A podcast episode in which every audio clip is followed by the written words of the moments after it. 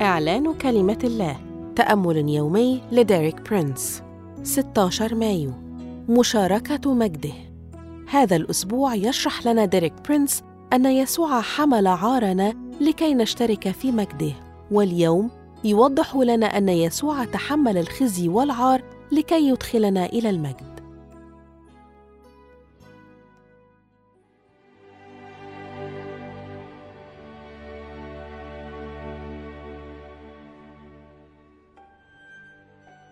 ما هو نقيض العار؟ نقيض العار هو المجد. لقد عانى الرب يسوع على الصليب أقصى درجات الإحساس بالعار لكي يهبنا الشفاء من هذا الإحساس القاسي ويجعلنا شركاء معه في المجد. يقول في عبرانيين اثنين العدد عشرة لأنه لاق بذاك الذي من أجله الكل وبه الكل وهو آت بأبناء كثيرين إلى المجد أن يكمل رئيس خلاصهم بالآلام. لقد سمح الله للرب يسوع أن يحمل كل هذه الآلام لكي يدخلنا إلى المجد. لاحظ الغرض الإلهي من قوله آت بأبناء كثيرين إلى المجد. فعوضا عن الخزي والعار الذي تحمله يسوع على الصليب يريد الله أن يجعل أولئك الذين يؤمنون بيسوع يشاركونه في مجده. فقد تعرض الكثير منا لأحداث مؤلمة واختبارات قاسية ولدينا ذكريات مهينة ومذلة وإن لم نشفى منها ستكون مصدرا دائما للشعور بالخزي والعار كلما تذكرناها. فضلا عن أن هذه المشاعر والأفكار السلبية ستعوق أرواحنا عن الانطلاق في العبادة والتسبيح للرب. لقد حمل الرب يسوع على الصليب الشعور بالخزي والعار بكل صوره لكي يشفينا نحن من خزينا وعارنا ولكي يكون لنا الحق في أن نشترك في مجده.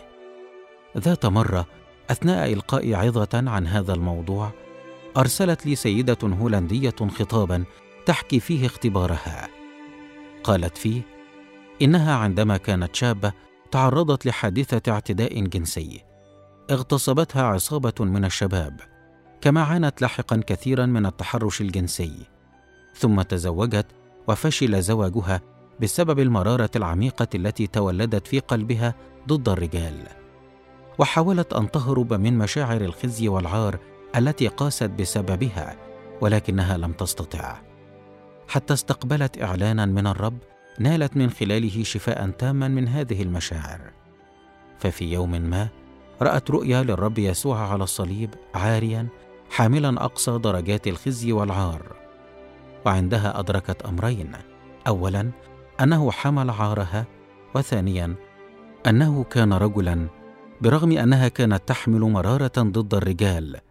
أدركت أنه كان رجلا من دفع عقوبة إحساسها بالعار.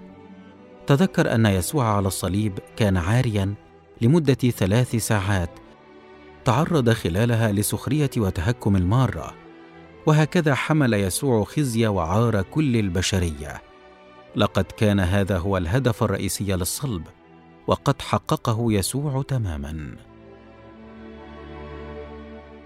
رب يسوع أشكرك من أجل عملك على الصليب لأجلي وأعلن إيماني أن الرب يسوع حمل عاري لكي أشاركه في مجده.